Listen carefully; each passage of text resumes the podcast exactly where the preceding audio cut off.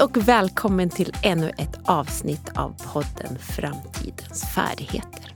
Jag som leder podden heter Ann-Therese Enarsson och jag jobbar på Futurion.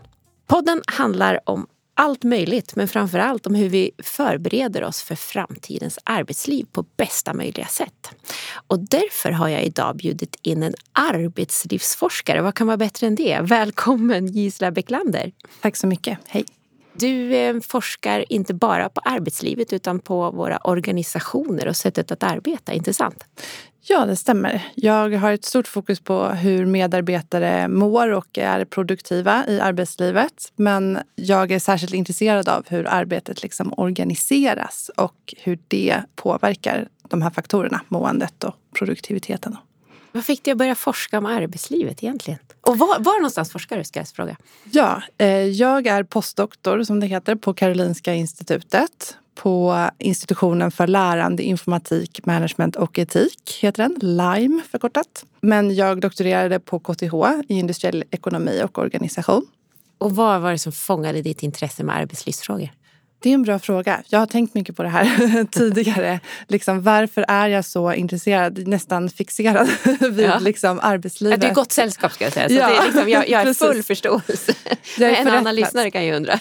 Exakt. Nej, men, um, jag tror att det är bara att arbetslivet har en så stor plats i vårt samhälle. Det är antagligen det från början som har eh, påverkat mig mycket med mitt intresse. Att jag insåg redan som barn på något vis att det här är väldigt viktigt.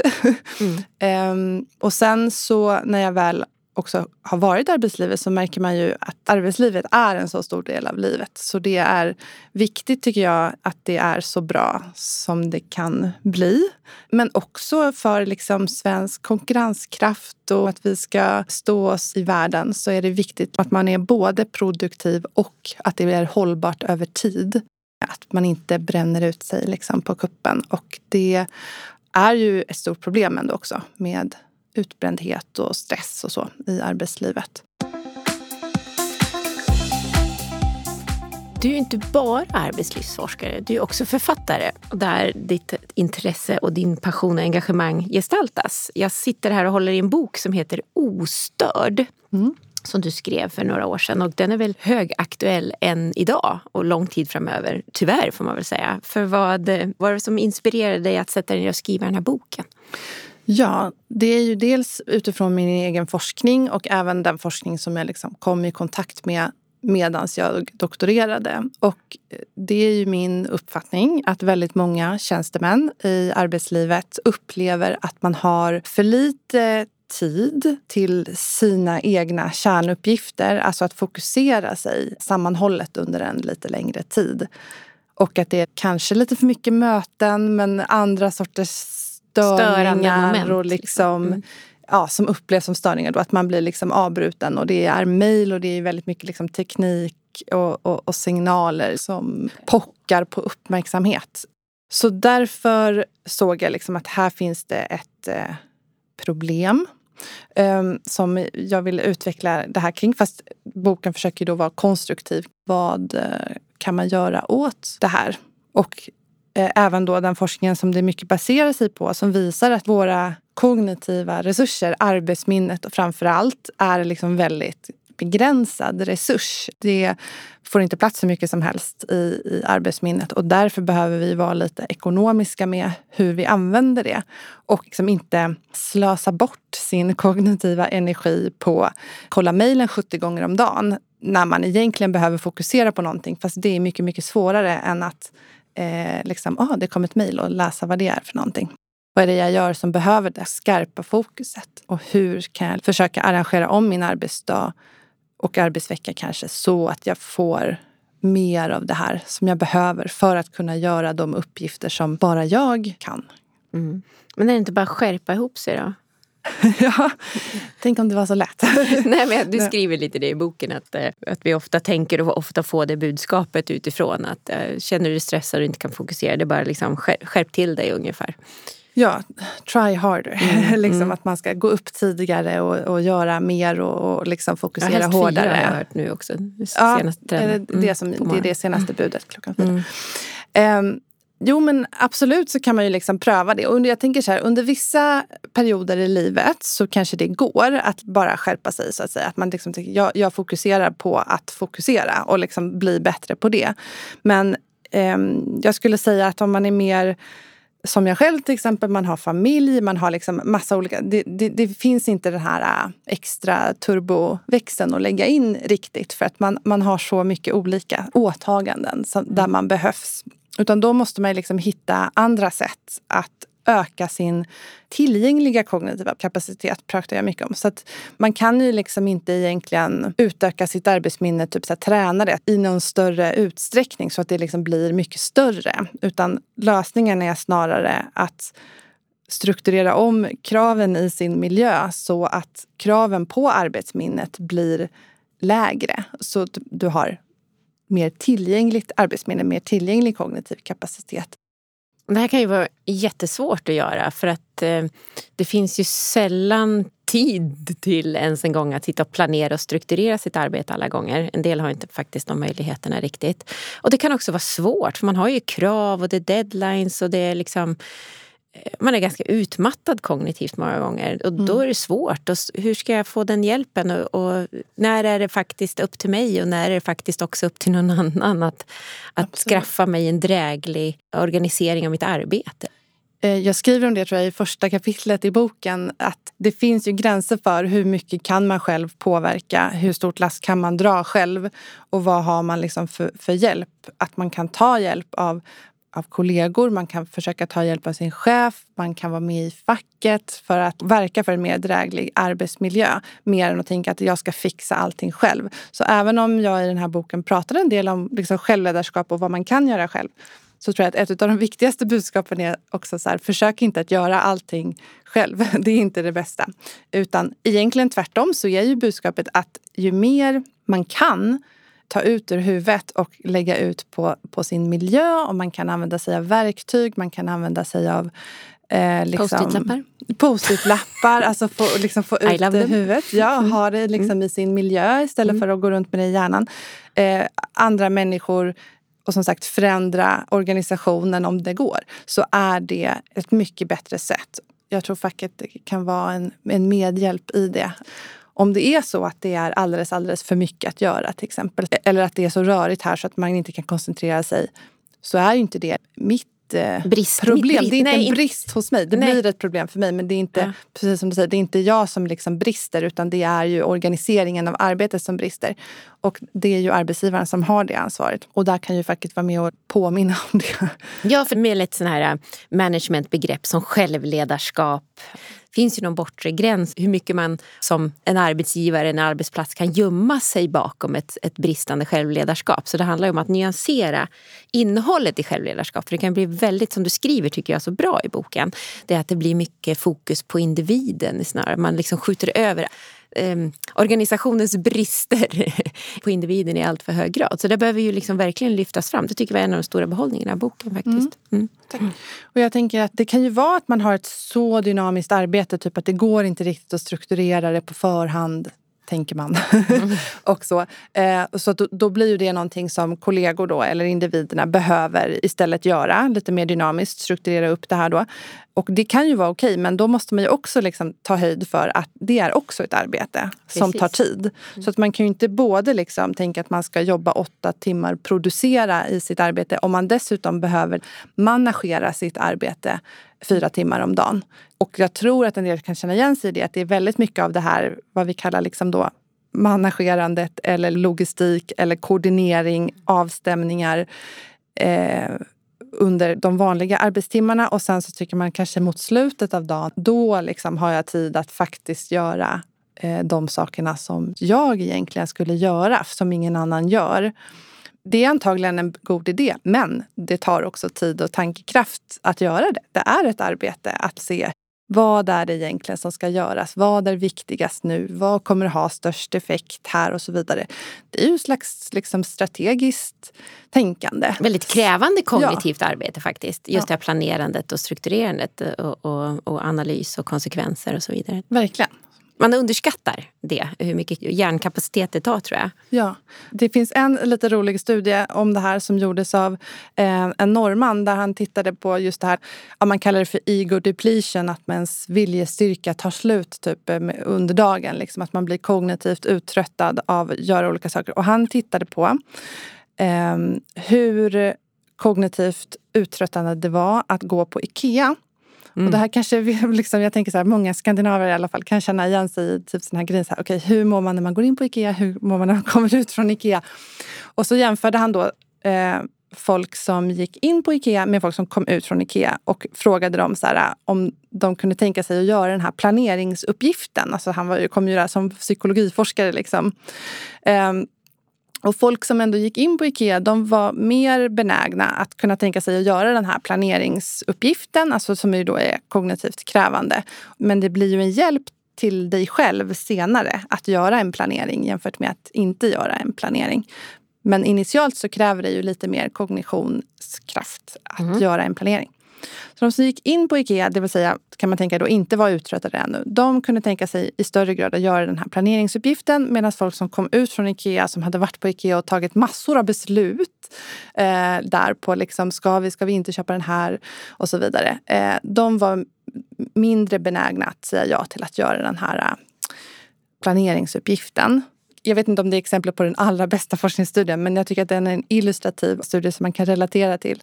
Att här, när man är kognitivt uttröttad så kanske man inte orkar göra sånt som ändå skulle vara bra för en ännu senare. Till exempel att planera. Mm. Så att om man vill optimera på något vis sin kognitiva tillgängliga kapacitet och har så svåra uppgifter som kräver det här så behöver man lite planera runt de här begränsningarna med hänsyn till dem. Hur ska jag då lägga upp min dag så att jag har den här kapaciteten när jag behöver den? Och inte tror att så här, klockan fem så kommer jag orka eh, göra det här. Som jag tänker att då har jag tid att göra det. Okej, okay, mm. men kommer jag orka göra det? Är snarare frågan. Just det här att hushålla och skapa förståelse kring både bandbredd och kapacitet. Sådär. Vad skulle du säga är, eh, är de vanligaste misstagen som man gör? Jag har ju förstått att det är att liksom låta sig upptas av andras agender mer eller mindre och sen spara sitt hårt krävande kognitiva arbete sist på dagen och så vidare då, då många av oss har tömt vår energi. Men eh, finns det några andra misstag eller, eller till och med kanske tips som du vill delge? Nej, men jag tänker att ett eh, vanligt misstag, om vi ska kalla det det, är ju lite det här att tänka att man ska få undan allting innan man kan koncentrera sig eller planera eller göra de här sakerna. Lite som du var inne på, att många kan inte ta sig den tiden för att man har så fullt i sin dag. Men eh, det kan bli ändå ett misstag för att det är så viktigt att om man är i det här reaktiva modet, att det kommer liksom arbetsuppgifter emot mig och jag försöker smasha bort de här bollarna ungefär.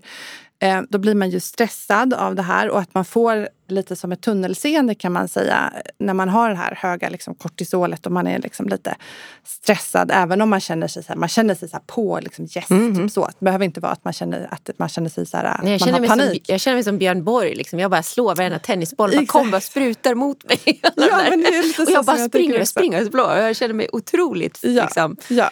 handlingskraftig och, och också. Precis, så det, kan, det kan kännas så också. Mm. Men man får lite det här tunnelseendet på de här bollarna då, om mm. vi liksom är inne i den liknelsen. Som gör att man kanske inte ser då att alla de här bollarna som flyger mot mig, det är inte jag som ska ta de här. Det är ju egentligen den här personen som kan det här mycket bättre än vad jag kan och det kommer gå mycket fortare om den personen gör det. Eller det här behöver kanske inte göras alls om vi bara hade en automatisering här istället för att sitta copy-pasta från Excel för hand. Men då måste man först Kliva ta sig ur det här mm. tillståndet, egentligen psykologiska tillståndet av att man är helt inne i det här. Vad är egentligen viktigast? Det här är ju för mycket. Vad ska jag göra åt det? Det behöver man ju fundera på och inte bara så här, ja men nu är det jättemycket så nu måste jag bara göra jättemycket tills, tills det tar slut. Då ligger ju på något vis verkligen matchen... jag tror att du beskrev ungefär nio av tio personer just nu. jag kände direkt att det var jag. Ja men alltså, man har, och sen, sen kan det ju vara, vissa jobb är ju mer eh, det är nästan ännu mer. Ju mer man har, liksom, desto mer behöver man faktiskt ta ett steg utanför det där och få syn på så här, hur ska jag nu kunna strukturera upp det, vad kan jag lägga ifrån mig och så vidare. Mm. Och sen så kanske man inte alltid kan eller behöver göra det helt själv utan man behöver liksom kanske kollegor eller chef eller någon. Men ofta så har man kanske inte möjlighet till exempel att så delegera jobb som jag uppfattar som har landat på mig till någon annan. Om jag är en vanlig medarbetare och säger men jag tänker inte göra det här, det får du göra. Eh, det kanske inte är så lätt och man har inget formellt mandat att göra det och så vidare. Eh, och där har man ju då ett organisatoriskt problem om man har så mycket, om det liksom är fullt här i min kopp. Vad, vad händer med arbetet då? Och där så bör ju det kunna vara en eh, diskussion eller liksom samtal eller ha något sätt i sin arbetsgrupp. Hur ska det funka? Lösningen kan inte vara att man bara jobbar, jobbar, jobbar, jobbar, jobbar. Vad är ditt bästa tips då? När du försöker planera och strukturera upp ditt arbete och måna om din bandbredd? Jag känner väldigt mycket där att ju mer eh, olika saker jag har och ju mer stressad eh, jag är, desto bättre är det att planera ofta. Att planera flera gånger om dagen kanske. Eh, alltså att, man, att jag både har liksom en så här, men den här ska hända den här veckan. Eller om man har vissa deadlines eller man har olika saker. Liksom kolla, när tänker jag mig att jag ska jobba med olika saker på dagen? Nu är ju mitt arbete så att det verkligen är i jättestor utsträckning jag själv som styr när jag gör olika saker. Så det, det kan ju påverka eh, det här också. Men att jag också sen får kolla, kanske både på förmiddagen och på eftermiddagen. Liksom så här, okay, vad står det på planen nu? Är det här fortfarande en bra plan? Eller borde jag göra någonting annat nu? Eh, har det hänt någonting som gör att någonting annat är viktigare? Då hjälper det mig i alla fall att så här, återvända till planen ofta. Medan när jag har kanske lite mindre att göra så kan jag liksom följa en mer generell, så här, ja men på måndagar jobbar jag mycket med det här och på tisdagar så är det mer så här. På, alltså jag inte liksom behöver sitta och titta i min kalender flera gånger om dagen. Typ. men, men, om jag är mycket stressad så, så hjälper det mig verkligen att göra det. Och att bryta ner en uppgift i lite mindre delar. Min hjärna funkar bättre på förmiddagen. I alla fall för såna här jobbsaker. Och sen på eftermiddagen så blir jag liksom tröttare. Och så det måste jag ta hänsyn till i alla fall när jag liksom tänker vad ska jag göra för saker när. Och att liksom ibland så har man saker, okej okay, men hur ska liksom trötta eftermiddags-Gisela orka, liksom, hur ska jag klara av den här uppgiften? När jag har kapaciteten så kanske jag skriver och förenklar uppgiften. Jag gör ett tankearbete kring så här, vad består den här uppgiften av egentligen för delar och vad behövs och behöver jag fixa något innan jag kan göra klart den och sådär. Att jag tänker det liksom innan och sen så har jag mycket lättare verkligen instruktion typ att följa som för mig själv. Som är lättare att följa när jag är lite, känner mig lite dummare och inte orkar tänka så mycket. Då lägger jag till, eh, förutom att liksom stycka upp det i moment för att den här oöverstigliga arbetsuppgiften äh, ska bli mer lätthanterad. Så sätter jag dessutom en sån här klocka till. Jag kör ju pomodoro-metoden mm. för att överhuvudtaget komma igång. Mm. Äh, så styckar jag upp den och, och sen så sätter jag 20 minuter på första uppgiften. Mm. Ibland till och med så, så sätter jag någon belöning då vad jag får göra efter 20 minuter. Ja, ja men det är verkligen så att man kommer igång. Och det kan ju mm. vara det där antingen att uppgiften måste bli mindre så att det liksom är lättare att komma igång. Eller att man behöver någon slags liten press med tid. Och jag tror att det handlar om att få upp det här kortisolet då lite grann så att man kickar igång. Men ett, ett annat tips ja, ja. är liksom lite mer kollektivt är att ifall man är flera kollegor som um, gör liknande saker så kan man ju titta liksom så här, är det så att vi skulle kunna dela upp det här arbetet mellan oss på något annat sätt? Så att antingen om det är någon som tycker att vissa saker är roligare och någon tycker att det är tråkigare så kan man ju kanske dela upp det så. Eller om att man har det här beredskapstillståndet då till exempel svara på mejl, svara på frågor om folk kommer förbi och vill ställa frågor. Att man kan vara som en målvakt eh, eller portvakt som är så här, ah, ja, men om ni har frågor till våra team så idag så pratar ni med mig. Och alla andra i teamet vet att jag är inte den här eh, portvakten den här veckan. Så ifall det kommer förbi någon så behöver jag, jag behöver inte tänka på det. Det har ingenting med mig att göra utan det, det är liksom portvakten som sköter det. Och då behöver man inte hålla en vikt kapacitet till att så här, hålla koll och vara liksom beredd. Ha en beredskap på att det kan hända saker.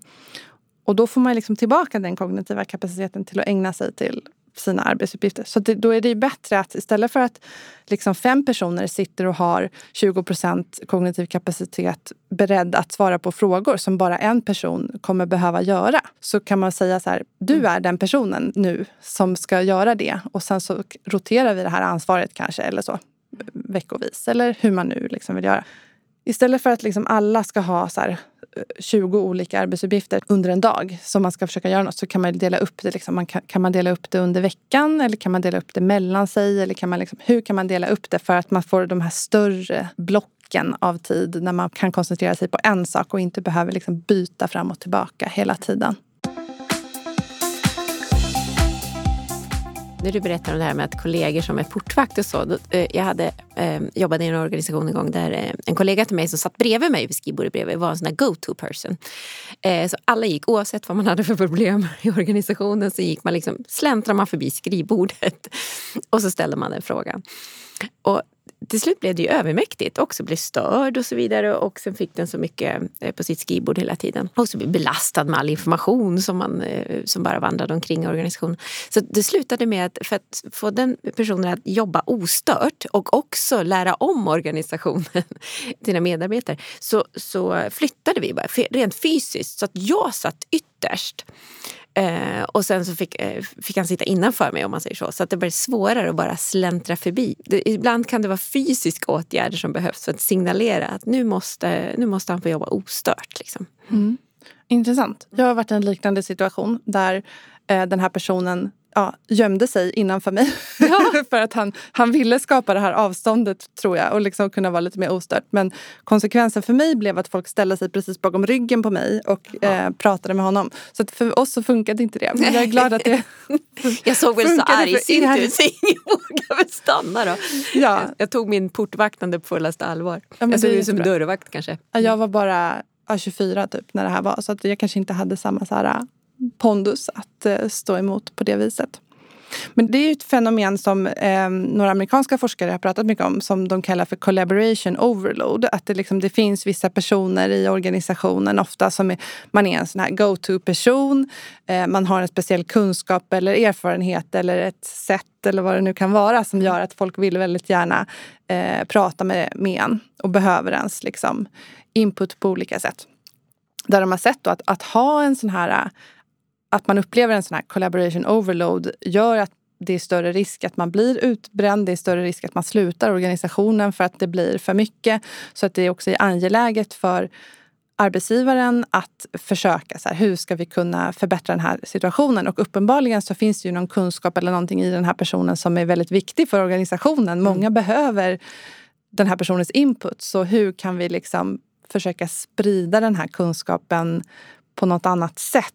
Går det liksom att skriva en eh, sån här FAQ-sida?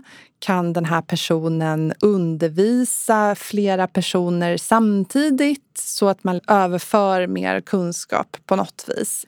Det kan ju vara det som är liksom källan till eh, att vissa personer då blir väldigt överbelastade är för att egentligen så behöver man sprida ut den här kunskapen. Men då måste man ju först man måste ju först investera då lite tid och kraft i att kunna sprida det här mm. innan det liksom kan bli att eh, man kan inte vänta tills folk slutar överbelasta.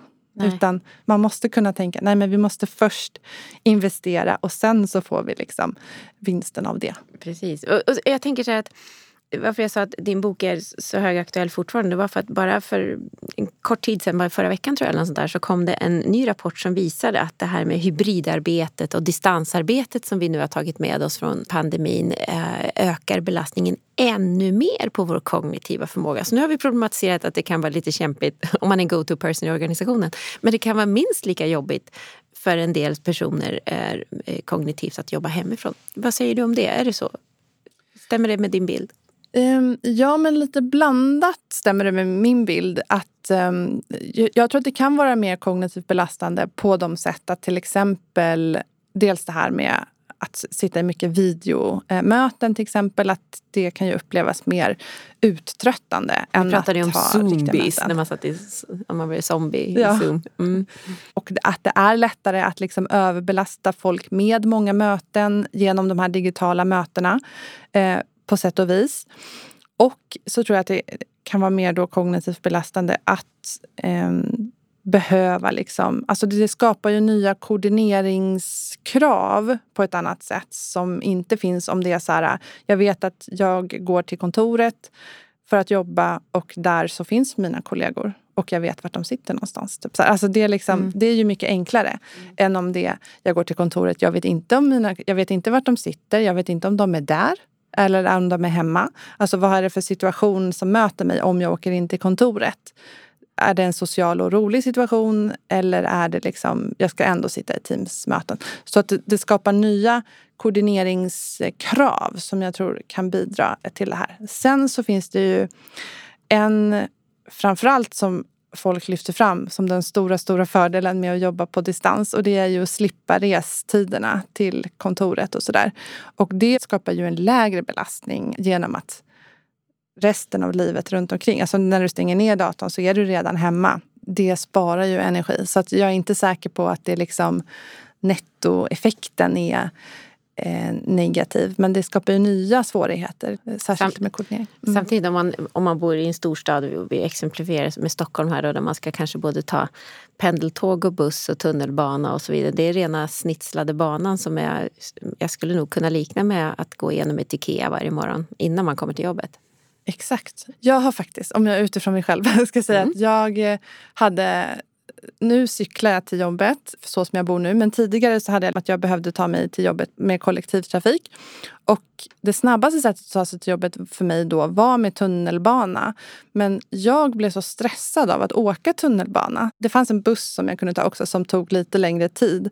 Men som jag upplevde var mycket lugnare för mig att gå på den här bussen och så bara åkte jag med bussen. Och det var inte alls lika kognitivt kravfyllt för mig. Så att jag liksom valde ett, hur vill jag börja min morgon? Mm. Det tar lite längre tid men jag är inte lika stressad när jag kommer fram. Det, det, det föredrog jag då, att ha det på det viset. Ja men visst, och det, man måste väl respektera att det är väldigt olika för alla men just den är också ställtiden. Jag, jag pendlar mellan Stockholm och Uppsala och då uppskattade jag väldigt mycket den ställtiden som det var. Jag var liksom klar när jag klev av på perrongen hemma då, mm. i Uppsala. Eh, så jag tyckte att det var en viktig ställtid. Eh, men, men det där kan ju funka eh, väldigt olika för alla förstås. Mm. Det är många som pendlar lite längre pendling som säger det. Just att man känner så här, man värdesätter faktiskt, särskilt på hemvägen, just det där att man, då har man hunnit processa mm. färdigt. Mm. Mm. Men eh, det här med distansarbete och hybridarbete, det ställer liksom nya koordineringskrav säger du. Men hur hur ska man tänka kring det här med arbetsplatserna? Jag vet att du har haft lite åsikter kring det under covid. här. Hur ska man, hur ska man organisera sitt arbete om man är chef? Då, liksom? vad, vad, tycker du man ska ta i beaktande?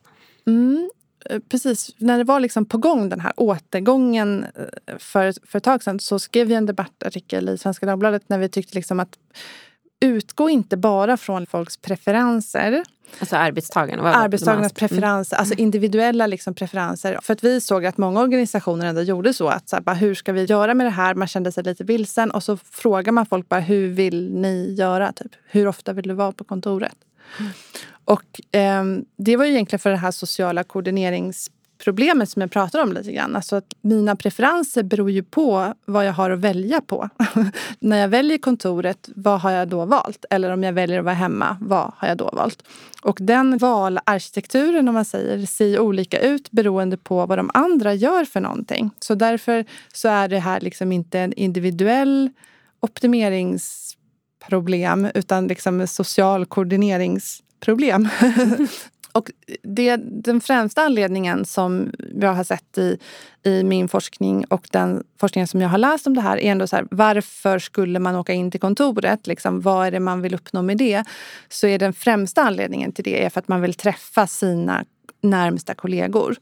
Eh, det är den främsta anledningen, inte den enda anledningen som man kan tänka sig. Och man känner att då uträttar man man kan få bra saker uträttat och så vidare. Om jag åker till kontoret och sen sitter och kör Teams med folk bara och ingen är där. Då känner jag, varför ska jag åka in till kontoret? Så nästa gång så gör jag inte det. Så då när du kommer dit så är jag inte där. Så då får du liksom sitta och teamsa. Så det var det vi såg, liksom, så här, det här kan bli ett problem. Tänk på det här liksom innan. Att så här, man måste kanske styra upp det lite mer innan. Det betyder inte att medarbetarnas preferenser inte spelar roll, men att så här, eh, det viktigaste här som måste leda först är ju verksamhetens behov på något vis. Här, vad, vad liksom krävs? Och eh, individen kommer ju på, ändå tänka mest på så här, hur, hur går det för mig att utföra mina arbetsuppgifter? Jo, men det går jättebra att göra det hemma. Och är man till exempel en mer senior person så har man kanske jättebra koll på sina arbetsuppgifter. Man har jättebra koll på de andra i organisationen så man vet precis vem man behöver fråga om man ska få någonting uträttat och så vidare. Så man har liksom järnkoll på allting och behöver sällan vara liksom på kontoret då kanske för att orientera sig eller så egentligen. Medan en ny medarbetare som kommer och börjar, liksom, hur ska den personen lära sig de här sakerna som de här seniora personerna kan? Och om man liksom jobbar tillsammans på plats så får man ju lättare den här överblicken och liksom man ser hur de andra gör och vilka de är och vart de sitter. Och liksom, eh, man får så mycket information liksom från sina sinnen i världen jämfört med om man liksom bara vad folk säger till varandra som de kan göra på ett, på ett Teamsmöte. Sådär. Så att, och organisationen har ju intresse av att eh, nyanställda som de anställer ska lära sig jobbet. De har inte bara intresse av att eh, någon, liksom, de som är mer seniora kan sköta sitt eget arbete från sommarstugan. Ja, det kan de säkert, men de har ett annat värde och betydelse för organisationen också. Eh, som är liksom att överföra det här till nya så att det liksom också ska funka. Nu blev det, jag vill liksom inte ställa folk så emot varandra men att man har eh, liksom i olika faser i livet och olika faser i organisationen, sitt liv i organisationen så att säga, så har man liksom olika in, intresse och olika behov av varandra. Så att gör man bara preferenser eller att man tänker från mitt eget jobb så liksom för att det ska bli riktigt bra så krävs ju det att medarbetarna behöver varandra lika mycket. Att det finns någon slags symmetri i det där. Och det kan man ju absolut inte utgå från att det finns. Utan vissa medarbetare behöver de andra mer än vad de kanske behöver den andra. Det finns en asymmetri där. Så om de ska förhandla mellan sig vem som ska komma in och när och så vidare. Det tycker jag inte är en bra situation. Utan där tycker jag att det behövs ett eh, ledarskap i det. Du deltar i ett forskningsprojekt just nu om de långsiktiga effekterna på de nya arbetssätten efter covid. Kan du säga någonting om det? Eller jag får ju naturligtvis bjuda dig tillbaka till, till podden den dagen du, du är helt klar. Men eh, vad, vad är det du tittar på just där? Ja, men där så ville vi följa, egentligen i två kommuner, så, så följde vi dem dels under covid, hur det gick att jobba på distans. Och sen så ville vi följa upp när de hade börjat återkomma till kontoret, hur, eh, hur det har gått för dem eh, med återgången. Men eh, timingmässigt så har vi inte riktigt, alltså det blev lite rekyl i, i pandemin samtidigt där. Så att det liksom blev inte den här fulla återgången som man hade tänkt sig. Ehm, men så som jag också tycker att det verkar se ut så har ju också nog många organisationer Ehm, som först kanske tänkte sig att så här, nej men vi ska komma tillbaka helt till kontoret, eller nästan helt, har liksom eh, fått eh, liksom köra tillbaka det där lite grann. Och medarbetare har ju, vad jag förstår, nu pratar jag inte specifikt om mitt forskningsprojekt utan liksom vad jag hör mer i allmänhet, att medarbetare har i många eh, utsträckning liksom hållit emot. Man har inte kommit tillbaka i liksom riktigt samma utsträckning. För att man tycker så här, nej men det här, eh, det går så bra att göra mitt arbete eller vårt arbete. Och eh, mitt liv är så mycket bättre när jag kan styra min tid mer. Så att det är inte att man rusar tillbaka. Eh, även fast arbetsgivaren kanske har sagt. Och, och sen har det ju också varit lite så här som jag tror delvis kanske lite svenskt. Även om man har sagt så här, ja, men nu har vi den här policyn så är det ändå så här, okej, okay, men ifall folk inte gör det, vad händer då? då? Så här, kommer typ chefen och tar en i örat? Det är inte så troligt i Sverige att det blir så. Och det är inte så mycket peka med hela handen. Så det är mycket var så här, ja men det måste ju ändå vara upp till varje avdelning och se liksom hur vad de har för behov och då kanske man har tänkt, ja fast och det är ju upp till varje chef på något vis att se vad har vi för behov i vår grupp och sen kanske cheferna, ja men det är upp till varje medarbetare ändå att liksom bestämma lite det där själv och så ja, så blev det väldigt mycket att var och en får göra som man själv vill. Och det där är verkligen både liksom gott och ont. Och gott då att jag får en större frihet själv men på ont så har jag liksom Eh, det har de andra har också så mycket frihet. Och var och en tänker liksom ju först och främst på hur vill jag ha det liksom i mitt liv och inte typ vad är det som verksamheten kräver. Så vem är det som tar ansvaret för att verksamheten får det som, som det kräver? Det kommer finnas anledning att, att lyssna till dig igen när du har kommit längre i, i den forskningen. Där finns det mycket känslor tror jag. Men eh, du som jobbar med, med att forska på, på arbetsplatser och arbetslivet. som sagt, Vad är det för trender du ser om du tittar liksom runt hörnet? Vad, vad är det som kommer? Och vad, är det någonting du skulle vilja dela till, till lyssnarna? Ja, men en uppenbar trend känns det som att det är ju mycket med AI. Ja. om man ser det. Och här nyligen så... Eh, jag såg att ni lyfte också i era kanaler att eh, det var en spelstudio som skulle säga upp hälften av sina, ja, inte av alla sina utvecklare, men någon speciell grupp av utvecklare. Eh, för att de tänkte att vi ska jobba mer med AI och liksom ta över de här delarna. Och flera sådana rubriker kommer ju säkert att komma. Så jag tror att man kan delvis känna en arbetstagarna kanske nervositet kring den typen av saker. Andra tycker det känns spännande och roligt att få köra liksom mycket med AI. Men jag tror att oavsett så behöver man verkligen den här kognitiva kapaciteten alltså till att liksom kunna...